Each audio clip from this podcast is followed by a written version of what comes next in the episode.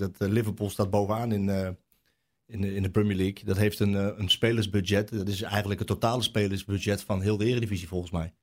Als het niet meer is. Ja, Ajax komt daar natuurlijk nooit meer bij. Ook niet als ze in de besloten Champions League gaan spelen. Dat verschil met Barcelona en Real Madrid, dat is gewoon te groot geworden. Hè? Barcelona gaat nu waarschijnlijk als eerste club naar een omzet van een miljard toe. Ja, dat verschil is dadelijk gewoon 700, 800 miljoen met, met Ajax. En ook als je kijkt naar die, naar die top 20 clubs, die zijn afgelopen jaar weer 10, 11 procent gegroeid. En nou, dat komt hoofdzakelijk door de groei van de media-inkomsten. Nou, als je dat nog eens over vijf jaar doorrekent, mm. dan staat Ajax gewoon op een, op een straatlengte. Dus ik denk, eh, als je zegt van we willen bij de bij sterkste 20, 25 clubs van Europa horen, vind ik dat realistisch. Maar ja, aanhaken bij de Europese top, wat Van der Sar dan telkens zegt, dat vind ik eigenlijk een volkomen ja, onrealistisch verhaal.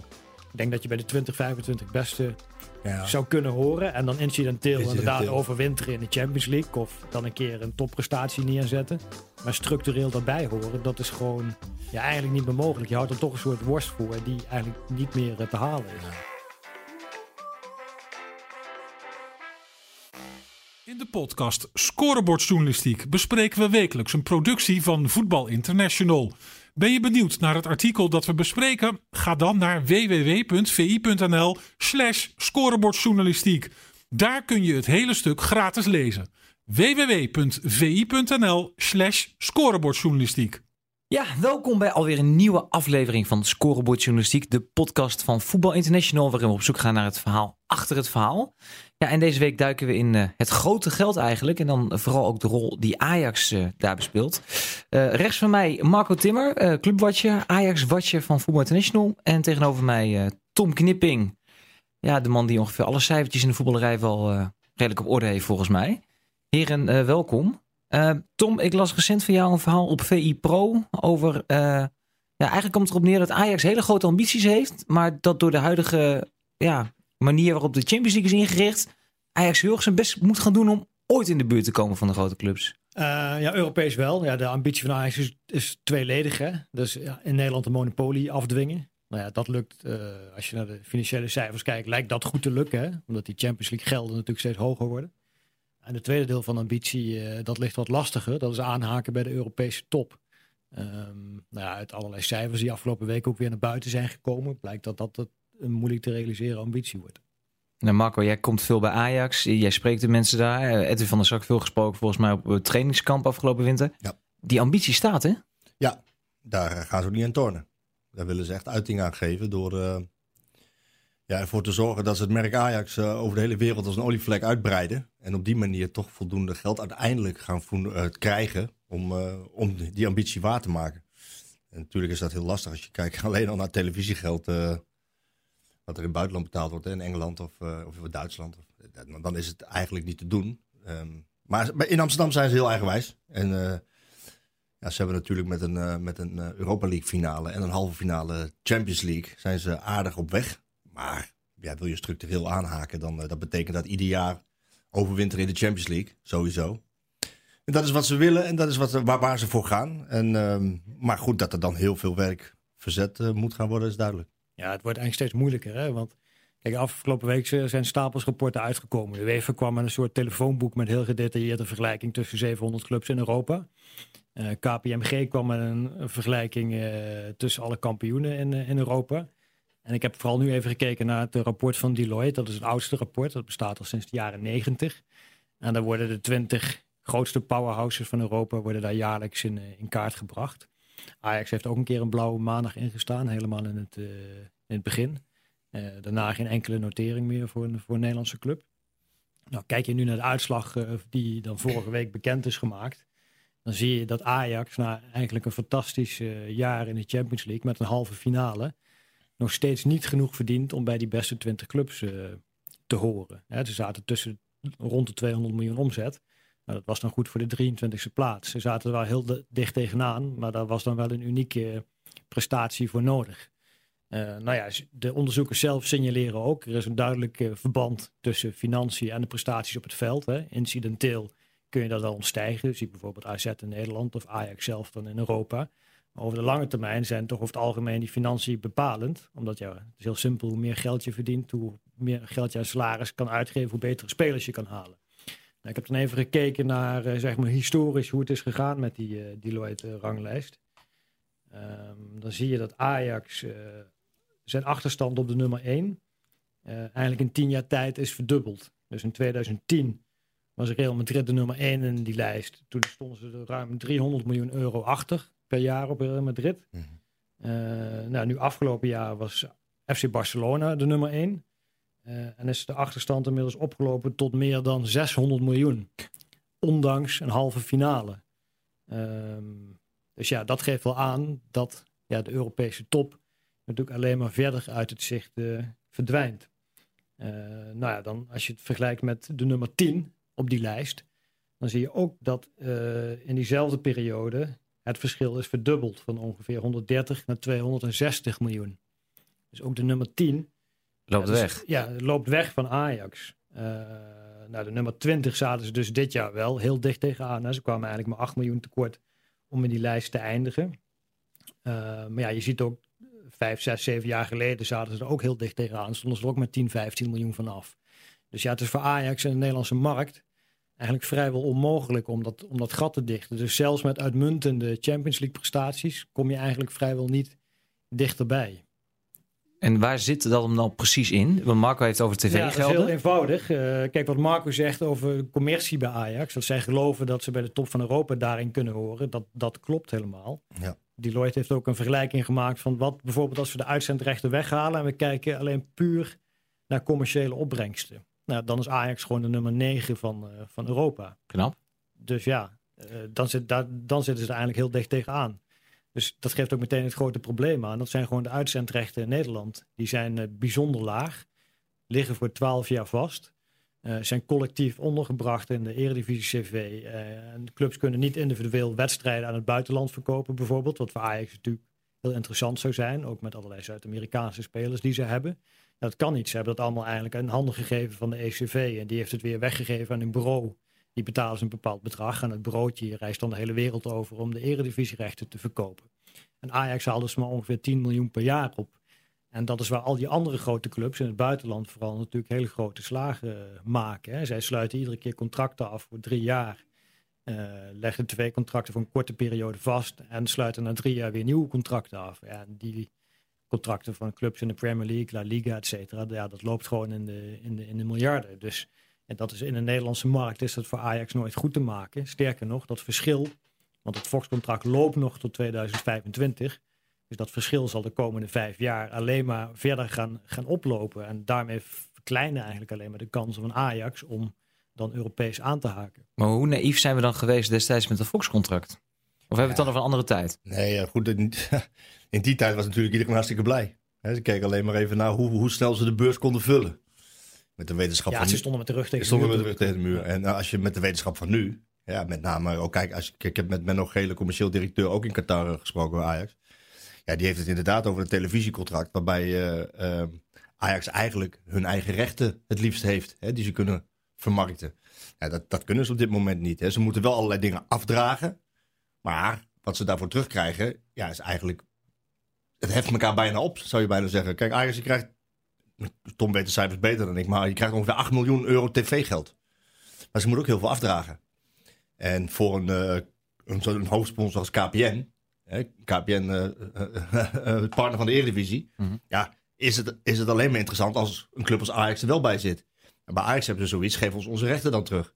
Dan kunnen we daar zelf mee de boer op. En um, in, ja, eigenlijk als voorschot daarop, want dat gaat een keer gebeuren natuurlijk, want het contract loopt een keer af, zijn ze in de hele wereld bezig om het merk te vergroten. Ze hebben uh, hele grote media deals gesloten in, in, in Amerika hè, met Bleacher en ESPN. Ze zijn in, uh, in China actief, ze zijn Japan actief. Ze zijn actief nu onlangs in de Verenigde Arabische Emiraten, uh, Mexico, nou ja, Afrika al langer. En, en al die samenwerkingsverbanden samen en al die partnerships, die leveren eigenlijk op dit moment 7 miljoen euro op. Nou ja, in, in, in aanloop naar dat die rechten een keertje vrij gaan komen, willen ze natuurlijk uiteindelijk, net als bijvoorbeeld de Premier League uh, manie in, uh, in, in Azië, wil, wil Ajax dat ook. Dus nu zijn ze heel erg bezig hun merk te vergroten, hun mm. naam te vestigen, zelf content ook te maken. Ook heel veel aanwezig te zijn, hè, van de Saar vliegt de hele wereld over. Uh, om uiteindelijk straks hun, eigen, hun eigen rechten weer te krijgen, zodat ze die kunnen vermarkten. En Ja, dan kunnen ze misschien een, een inhaalslagje maken. Maar als je nu aan de voorkant niks doet, kun je straks aan de achterkant niks verdienen. Dus dat, daar zijn ze nu vooral op aan het inzetten. Maar, maar neem ons even mee, 2025, Fox-contract loopt af. Wij zijn toch wel gewend aan collectieve contracten in Nederland, dus voor de hele competitie. Wat, wat, kan er gebeuren zometeen? Dat Ajax de rechten zelf houdt? Ajax is natuurlijk al langer aan het speculeren ook op andere competities. Hè? Kijk, Ajax is zelf natuurlijk ook tot de conclusie gekomen. We zijn eigenlijk uh, ja, uh, te groot voor Nederland en te klein voor Europa. Dus toen op een gegeven moment er bijvoorbeeld een voorstel kwam om een besloten Champions League te maken met 32 clubs. Ja, daar stond Ajax best wel vooraan om daar uh, voor, voor te lobbyen en, en op aan te haken. er worden nu gesprekken gevoerd over een Beneliga. Ja, daar is Ajax ook in geïnteresseerd. Want ja, zij zien ook wel, zolang wij in een competitie zitten met RKC en Fortuna, ja, dan gaan we die Europese aansluiting gaan we niet maken. Nee, Ajax, je zal zien dat Ajax veel internationaler gaat opereren.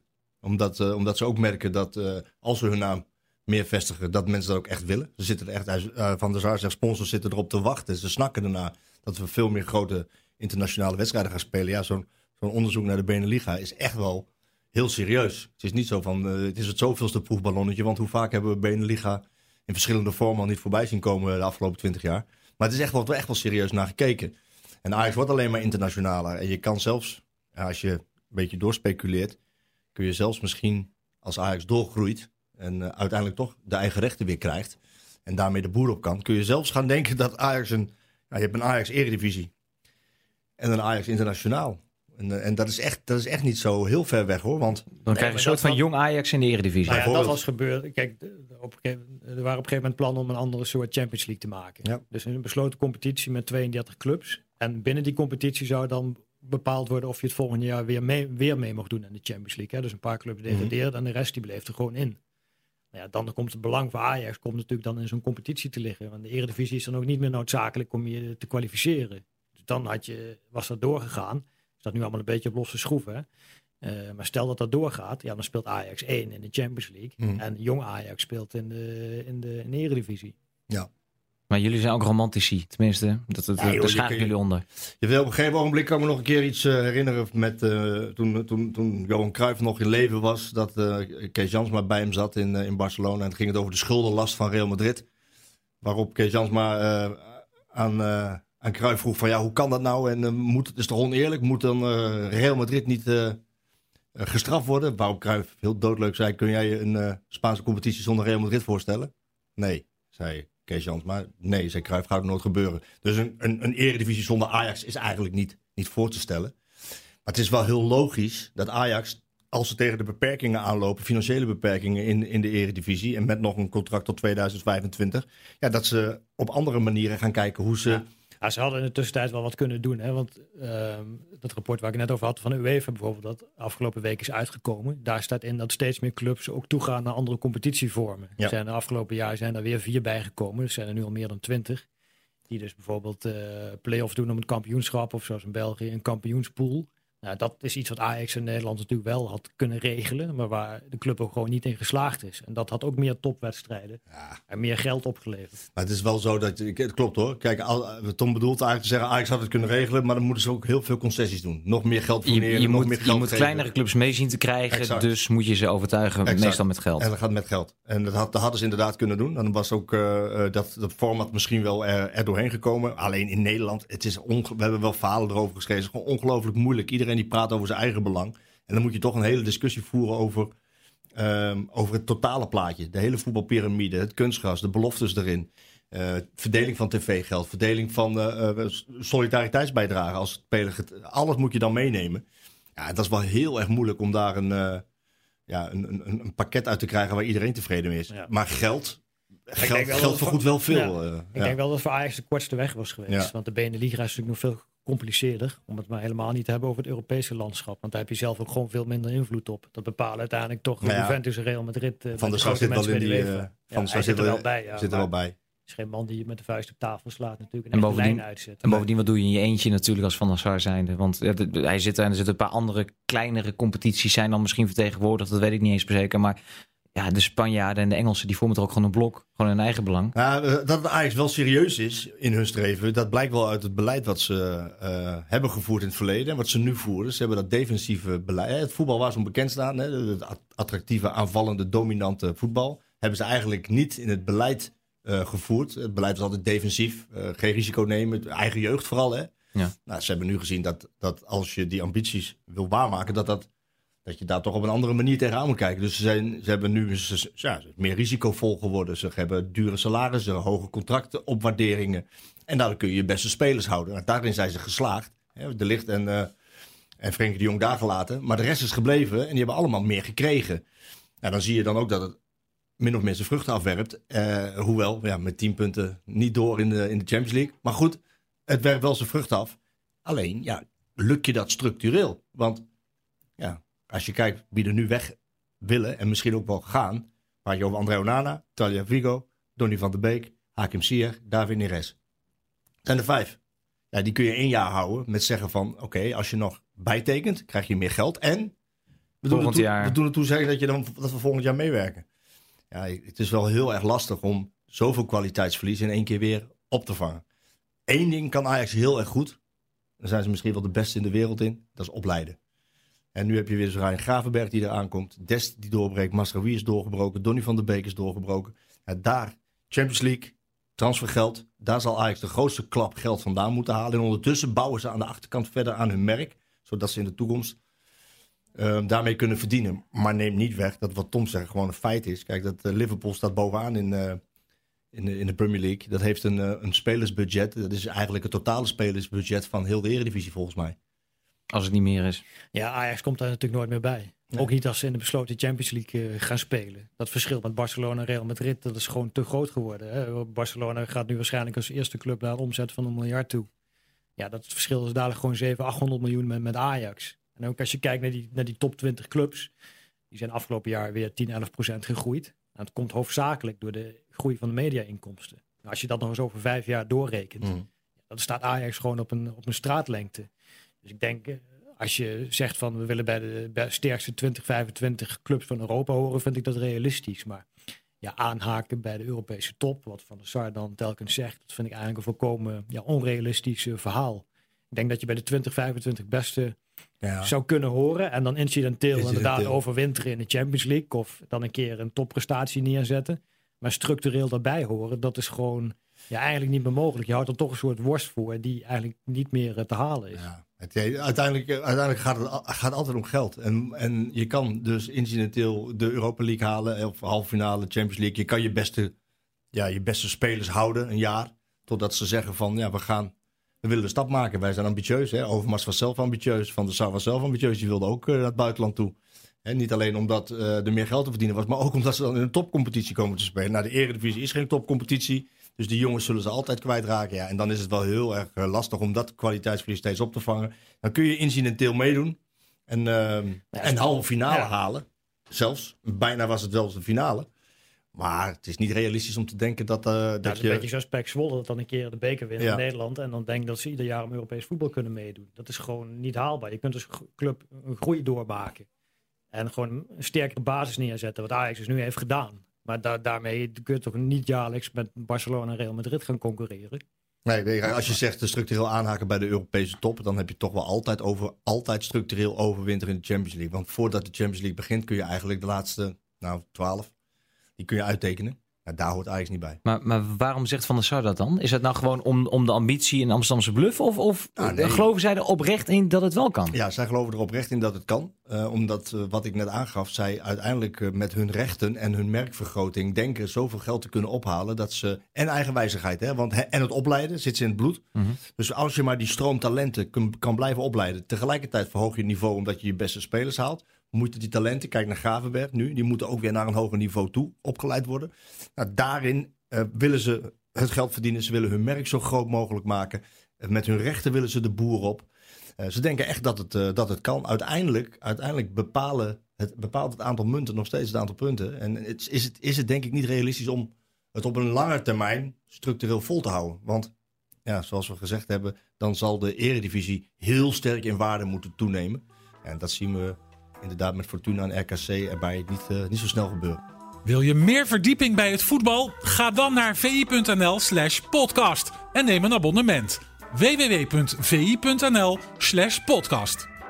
Ja, maar ik vind het wel gek, want Tom berekent net voor hoe het verschil alleen maar groter is geworden door de jaren heen. En ook niet een klein beetje, maar veel groter. Tot 2025 ligt dat Fox-contract er. Dus Ajax gaat de komende jaren alleen maar een grotere achterstand oplopen. ze, kunnen komend jaar ze kunnen komend jaar instromen in de Champions League als ze mhm. kampioen worden. Dat is voordelig. Maar ik heb hier ook uh, uit het verhaal van Tom even de Champions League cijfers erbij gepakt. Barcelona en Ajax halen allebei de halve finale van de Champions League. Barcelona levert het 117,7 miljoen op en Ajax 78,5. Dat is een verschil van bijna 40 miljoen euro. Dat is ook nog eens een keer een handicap. Dat ja. ze ook nog eigenlijk tegenwerking hebben van de UEFA. Want het beeld wat bij eh, heel veel fans volgens mij leeft, is dat Ajax vorig jaar de gigantische jackpot heeft binnengehaald dankzij de UEFA. Ten opzichte van PSV en AZ en Feyenoord hebben ze dat ook. Dat is ook zo. 80 miljoen euro is natuurlijk ontzettend veel geld. Maar ja, het is wel raar natuurlijk dat Barcelona voor diezelfde prestatie 40 miljoen euro meer krijgt dan Ajax. En Barcelona haalde ook de halve finale, krijgt veel meer geld. Nou, het komt dus omdat UEFA grotendeels die verdeling baseert op uh, marketingrechten in de landen. Dus voor hoeveel zijn de tv-rechten verkocht in Nederland? Nou, in Nederland voor een vrij laag bedrag aan Veronica. Dus Ajax krijgt ook weinig geld uit die pot. Een andere belangrijke uh, rekenmethode is dat, is dat uh, de prestaties van de laatste vijf jaar in Europa en gewonnen prijzen in het verleden, die spelen ook een hele belangrijke rol. Dus met andere woorden, Real Madrid die heeft heel vaak de Champions League gewonnen. En die presteert vrijwel altijd natuurlijk. Uh, die doet altijd mee tot in de eindfase van het toernooi. Zet altijd goede prestaties neer. Dus die krijgt bij voorbaat al een veel groter deel van de pot dan bijvoorbeeld Ajax. Maar dat, dat is toch best wel een hele vreemde constructie, want ik heb dat, ook gezien. Dat is ook, zit geen lo de logica die erachter zit, is dat UEFA zijn kroonje wil niet kwijt wil. Uh, topclubs dreigen altijd om een eigen Super League te beginnen. Hè. Dus hè, er moet, eens per drie jaar wordt er een nieuwe verdeling afgesproken. Nou, topclub zet UEFA met de rug tegen de muur. We stappen eruit, bla bla bla bla. En dan zegt UEFA, ja wacht even, je krijgt van ons extra tickets en extra geld. Iedereen weer blij en dan gaan ze weer vrolijk door. Daardoor komen de clubs als Ajax op een steeds grotere achterstand. Dus behalve zeg maar, de beperktheid van de Nederlandse markt, werkt UEFA ook nog eens een keer uh, tegen om uh, die ambities te kunnen waarmaken. dat, dat, is wel opvallend, hè? want je, we hebben het over die coëfficiëntiepremium om het uit te leggen. Dat is dan een van die vier factoren waarop het bedrag wat Ajax verdient heeft gebaseerd wordt. En dan had Ajax 18,8 miljoen euro op en dan zijn ze vijftiende geëindigd afgelopen seizoen. Dus dan haal je op een haar na de finale van de Champions League. Maar op basis dus van het verleden. Je, voor mij schreef je ook nog op dan een club als AC Milan. Wat toch al een paar jaartjes aardig aan het worstelen is. Als die nu weer toe zouden treden tot de Champions League. Dat ze meteen eh, aan de bovenkant van die pot zouden zitten. op basis van het dus verleden. Internationaal heeft Ajax daar een uh, nadeel bij. Maar vertaal je dat naar de nationale competitie. Dan heeft Ajax juist weer een voordeel. Want PSV deed vorig jaar ook mee in de Champions League. En die kregen weer 10 miljoen minder dan Ajax. Dus het gevolg van de situatie zoals die nu is. Is dat er eigenlijk overal ja, de verhoudingen min of meer een beton gegoten worden. Precies. Europees zie je een enorme polarisatie. Komt eigenlijk gewoon vast te staan wie, wie de grootmachten zijn. Hè. Je hebt een top 3 eh, of top 2 eigenlijk met Barça en Madrid. De rest komt er weer achter. En nationaal zie je dat ploegen ook enorm sterk worden door die enorme UEFA-gelden. Want 80 miljoen in de kleine Nederlandse markt is natuurlijk gigantisch veel geld. Ja.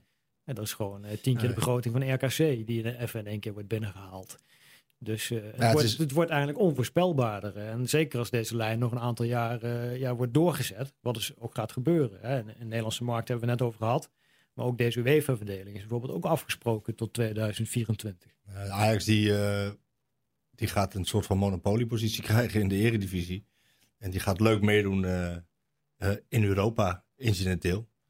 En, en daar lijkt het op af te steven dat dat, dat het wordt. Want ja, het is een kwestie van tijd natuurlijk. Kijk, als, als die bedragen nog verder uiteen gaan lopen, is een kwestie van tijd voordat uh, Ajax uh, de beste spelers bij uh, AZ weghaalt. Hè? Stengs en Boadu. Of in, in het geval van PSV Malen Bergwijn. Het is een kwestie van tijd. En, en dan, daarmee ben je echt te groot voor het servet en te klein voor het tafellaken. Van ja, Ajax is wel echt een soort niemandsland. Hè? Ja, dit is Nederlandse begrippen verdienen ze gigantisch veel geld. Maar in internationale maatstaven blijft het beperkt. Maar, maar, dan gaan we toch een hele vervelende voetbalperiode tegemoet. Want dan gaan we in Europa gaan we kijken naar dezelfde uh, 10, 12 clubs. En in de Eredivisie, normaliter als Ajax geen gekke dingen doet, is de landskampioen voor de komende vijf jaar ook bekend. daar lijkt het wel op, ja. En aan, aan de andere kant is voetbal ook zo onvoorspelbaar dat er, dat, er, dat er weer wat kan gebeuren in de zin van regelgeving. Of er, er komt weer iets. Hè. Stel nou dat er weer een buitenlanderregel komt. Ik, ik zeg niet dat het uh, nu zo snel gaat gebeuren, maar je, met Brexit, je weet niet wat dat gaat doen. Uh, er kan iets gebeuren waardoor ja, ineens je, je, je, je, je beste talenten allemaal in Nederland kunt houden. Omdat ja, clubs misschien nog maar vier of vijf buitenlanders mogen hebben, zoals vroeger. dat zou kunnen, maar anders ja. Ja, nou ja, dat, zo, zo vaart zal het niet lopen, denk ik. Want er is wel eh, onderhandeld over een aanpassing van het transfersysteem. Dat wordt ook doorgevoerd. Maar het gaat dan over een maximaal aantal Ja, huurlingen. er zijn wel een aantal lichte eh, veranderingen worden er aangedragen. Maar niet die, ja, die klap verregaande, niet, eh, die verregaande, die echt het voetbal kunnen veranderen. Ja, dat is op dit moment totaal niet in orde. Maar ook gewoon omdat de grote clubs dat gewoon tegen gaan houden, toch? Als dit soort veranderingen Ja, zouden komen. Ja. De clubs Nee. hebben macht. Ik bedoel jouw verhaal met Mino Ja, ja. Raiola gelezen recent, Marco. Die geeft ook aan van als er iets moet veranderen, moet het daar veranderen. Ja, nou de regelgeving, eh, dat zou kunnen dat daar, iets, dat daar iets aan verandert. Omdat we met z'n allen... Kijk, voetbal is wel een, is een consumentenbusiness, is entertainment. En we willen... En een van de dingen die voetbal leuk maakt, tenminste dat vind ik, is dat het onvoorspelbaar is. En nu wordt het te voorspelbaar. En wat ik net ook zei, de Champions League, je kan de, ja, de, de, de laatste twaalf ploegen, acht ploegen zelfs bijna, kun je elke keer invullen. En dat gaat een keer, eh, dat, dat schip gaat een keer de wal het wal keren en dan, dan, dan gaat er iets gebeuren. Voorlopig lijkt het daar nog niet op. En dan krijg je dus een heel voorspelbaar Nederlandse eredivisie. En een, eh, ja, met, een top 1, hè, dat, is dan, dat is dan Ajax. En een, eh, een top 2, 3 daarachter met, met PSV. Misschien dat Feyenoord zichzelf ooit een keer hervindt. En, eh en AZ. Ja, dan, dat, dat is het dan. Ehm, maar er gaat wel een keer weer wat gebeuren. Want ja, er komt een keer een moment dat, dat mensen het niet meer pikken en denken van ja, het was wel heel voorspelbaar nu. Eh, wanneer dat moment is, weet ik niet. Maar het, het, als het alsmaar, alsmaar zo voorspelbaar is, wordt het niet, wordt het niet, wordt het niet leuker op. Het is wel een, het is wel een probleem dat, dat die clubs zoveel macht hebben dat ze steeds kunnen dreigen met van eh, oké, dan scheiden we ons af. Dan gaan we een eigen Superliga beginnen. En, en ja, Mino Raiola gaf aan in een interview dat dat al een paar keer bijna het geval is geweest. Nou ja, goed, ik weet niet eh, in welk stadium dat zich heeft bevonden dan. Maar ja, als hij het de aangeeft... laatste keer eh, dat er over gesproken was, volgens mij een paar jaar geleden, 2016 of zo. Toen was het wel vrij eh, concreet. Ja, en toen kwam ook de handreiking van de UEFA weer. Ja, extra geld, extra, Extra plaatsen. ja. Maar de positie van Van der Sar is natuurlijk wel heel eh, interessant. Hè? Binnen de Eredivisie probeert hij natuurlijk de belangen van Nederland zo goed mogelijk te behartigen. Maar ja, in het buitenland lijkt hij toch eigenlijk de Eredivisie eh, niet als prioriteit te zien. Hè? Nee, dat heeft, dat heeft ook mee te maken met de opstelling hier in Nederland. Eh, we, hadden, we hebben het net heel even gehad over die veranderagenda. Nou, de, we hebben zelf met Toon Gerbrands samen een interview Ja. gedaan. Die ook aangeeft van, joh, ehm, als we alleen maar aan ons eigen belang gaan denken met z'n allen, dan verandert er niks. Er moet een onafhankelijke commissie komen die, die dat hele pakket van tv-rechten, kunstgras, belofte teams, afdrachten, allemaal bij elkaar pakt. En, eh, en zegt van, hey, dit is het. Mhm. Eh, zo gaan we het doen. Hè? Competitieformaat 16 met een kampioenspool. Eh, alles om de weerstand te vergroten. Alles om ervoor te zorgen dat wij in Europa wat langer door kunnen. Nederland zelf dan moet daar ook van profiteren. Nou, het, het, het lukt niet. Het komt niet van de grond. Er gebeurt niks. En Van der Sar is zo, ja, die heeft ge- gegeven gekeken. Die is ook mede verantwoordelijk. En hij lacht er zelf ook om, hoor, om, om, om de veranderagenda light. Eh, ja, er is niet zoveel veranderd. De huidige vorm die ingevoerd is, waar Ja. eigenlijk niet zoveel veranderd Nee, is. en, eh, en nou, oké, als ze dan niet willen, dan ga ik internationaler. Ga ik internationaal kijken. Kijk, want je, je kan met z'n allen er wel voor zorgen dat je eredivisie sterker wordt natuurlijk. Daar kun je met z'n allen wel voor zorgen. Dat je wel wat eh, ja, meer, meer vet op de botten krijgt. Dat je wel iets meer te vertellen hebt in, in Europa. Op dit moment ja, is het allemaal zo verdeeld. En wat ook een probleem is, en daar hebben we vaak over geschreven, ook gezegd is, ja, je zit de ene keer met die directeur aan tafel, maar eh, ja, een maand later is hij weg. En dan zit er een ander met een andere onderbroek die helemaal niet eh, de dossierkennis heeft. En, en zo, zo blijf je eigenlijk maar Ja, een beetje... maar uiteindelijk was het verhaal ook gewoon dat Ajax en. PSV daar toch te weinig voor over hadden. En dat vind ik achteraf wel een beetje kortzichtig. Kijk, voor Ajax maakt het niet zoveel uit of ze 3 miljoen meer of 3 miljoen minder hebben. Voor, hè, want internationaal is dat gewoon een druppel op een gloeiende plaat. Voor RKC en Fortuna is eh, een paar ton extra wel heel veel geld. Daar kunnen ze één of twee goede spelers van halen. Waardoor Ajax ook een betere weerstand krijgt in de Eredivisie en zwaardere wedstrijden moet voetballen. Dus ik denk dat dat in het voordeel was geweest eh, van Ajax en PSV. Alleen er is gewoon vooral naar het geld gekeken en niet naar het afhankelijke uitgangspunt. Hoe krijgen we nou een zo sterk mogelijke competitie, waardoor onze teams zich het beste ontwikkelen. ja, en dat, was alleen. wel met een ander model, Ja, en dat een alleen. andere geldverdeling. Als dat gebeurd was, dan had je op een gegeven ogenblik was je ook weer interessanter geweest met je tv-rechten. Dus dan vloeit het ook weer een keer terug. En ehm, ja, dat hebben ze niet gedaan. Ze vinden zelf dat ze genoeg hebben gedaan. Daarom gaan ze nu internationaal kijken. Tom zegt van ja, Ajax kan het wel leiden. Eh, Ajax kijkt nu ook vooral heel erg naar de centjes. eh, want ze hebben een, Eh, doordat je je beste spelers houdt, je kwaliteit op het veld wil hebben, moet je ook in de buidel tasten. Dus ze, hebben een hele dure huishouding. Ze moeten steeds eigenlijk Champions League halen. Nou hebben ze met een eigen vermogen van 210 miljoen, kunnen ze aardig eh, nog wel wat leiden. Maar eh, het zegt genoeg dat ze naar Qatar gaan, waar ze 700.000 euro ophalen. Als je normaal trainingskamp kost een paar ton, nou, dus, dit levert ze een miljoen op. Het zegt genoeg dat ze naar een omstreden land, eh, Verenigde Arabi Arabische Emiraten gaan, om een, een samenwerkingsovereenkomst met FC Sharia. Ja, dat doe je niet. Um, ja, omdat je dat zo'n lekkere, leuke club vindt in de woestijn. Nee, dat doe je ook omdat je uiteindelijk daar een economisch belang in hebt. En dus ze letten wel heel erg op het geld. En dat moet ook, want uh, het vind ik eigenlijk vrij logisch. Uh, als je Hakim Ziyech in Nederland wil houden, dan weet je dat je moet betalen. En dan moet je geld hebben. En als je dat niet meer uit de Nederlandse markt kan halen, dan doe je het op een andere manier. Geld binnenhalen, dat is eigenlijk wat een beetje op draait op dit moment. Ja, geld binnenharken zelfs. Binnenharken zelfs. Meer over dit onderwerp uh, te lezen op vi.nl slash scorebordjournalistiek. Daar uh, staat uh, wekelijks een artikel van Tom Knipping over ja, geld en voetbal eigenlijk. Hè? Voetbal en geld. Nou, eens per twee weken. Eens per twee weken. Ja, ik dacht dat je nou, enthousiast... was er even opgevoerd hier hoor. Bij de, ja, nee, één keer in de week. Twee keer in de week, drie keer, één keer in de twee weken. Nou, bij deze één keer in de twee weken een, een uh, exclusief verhaal van Tom Knipping... die zich verder verdiept in deze materie. Uiteraard ook alle Ajax-verhalen te lezen in het blad op vi.nl en VI Pro. Heren, dank jullie wel.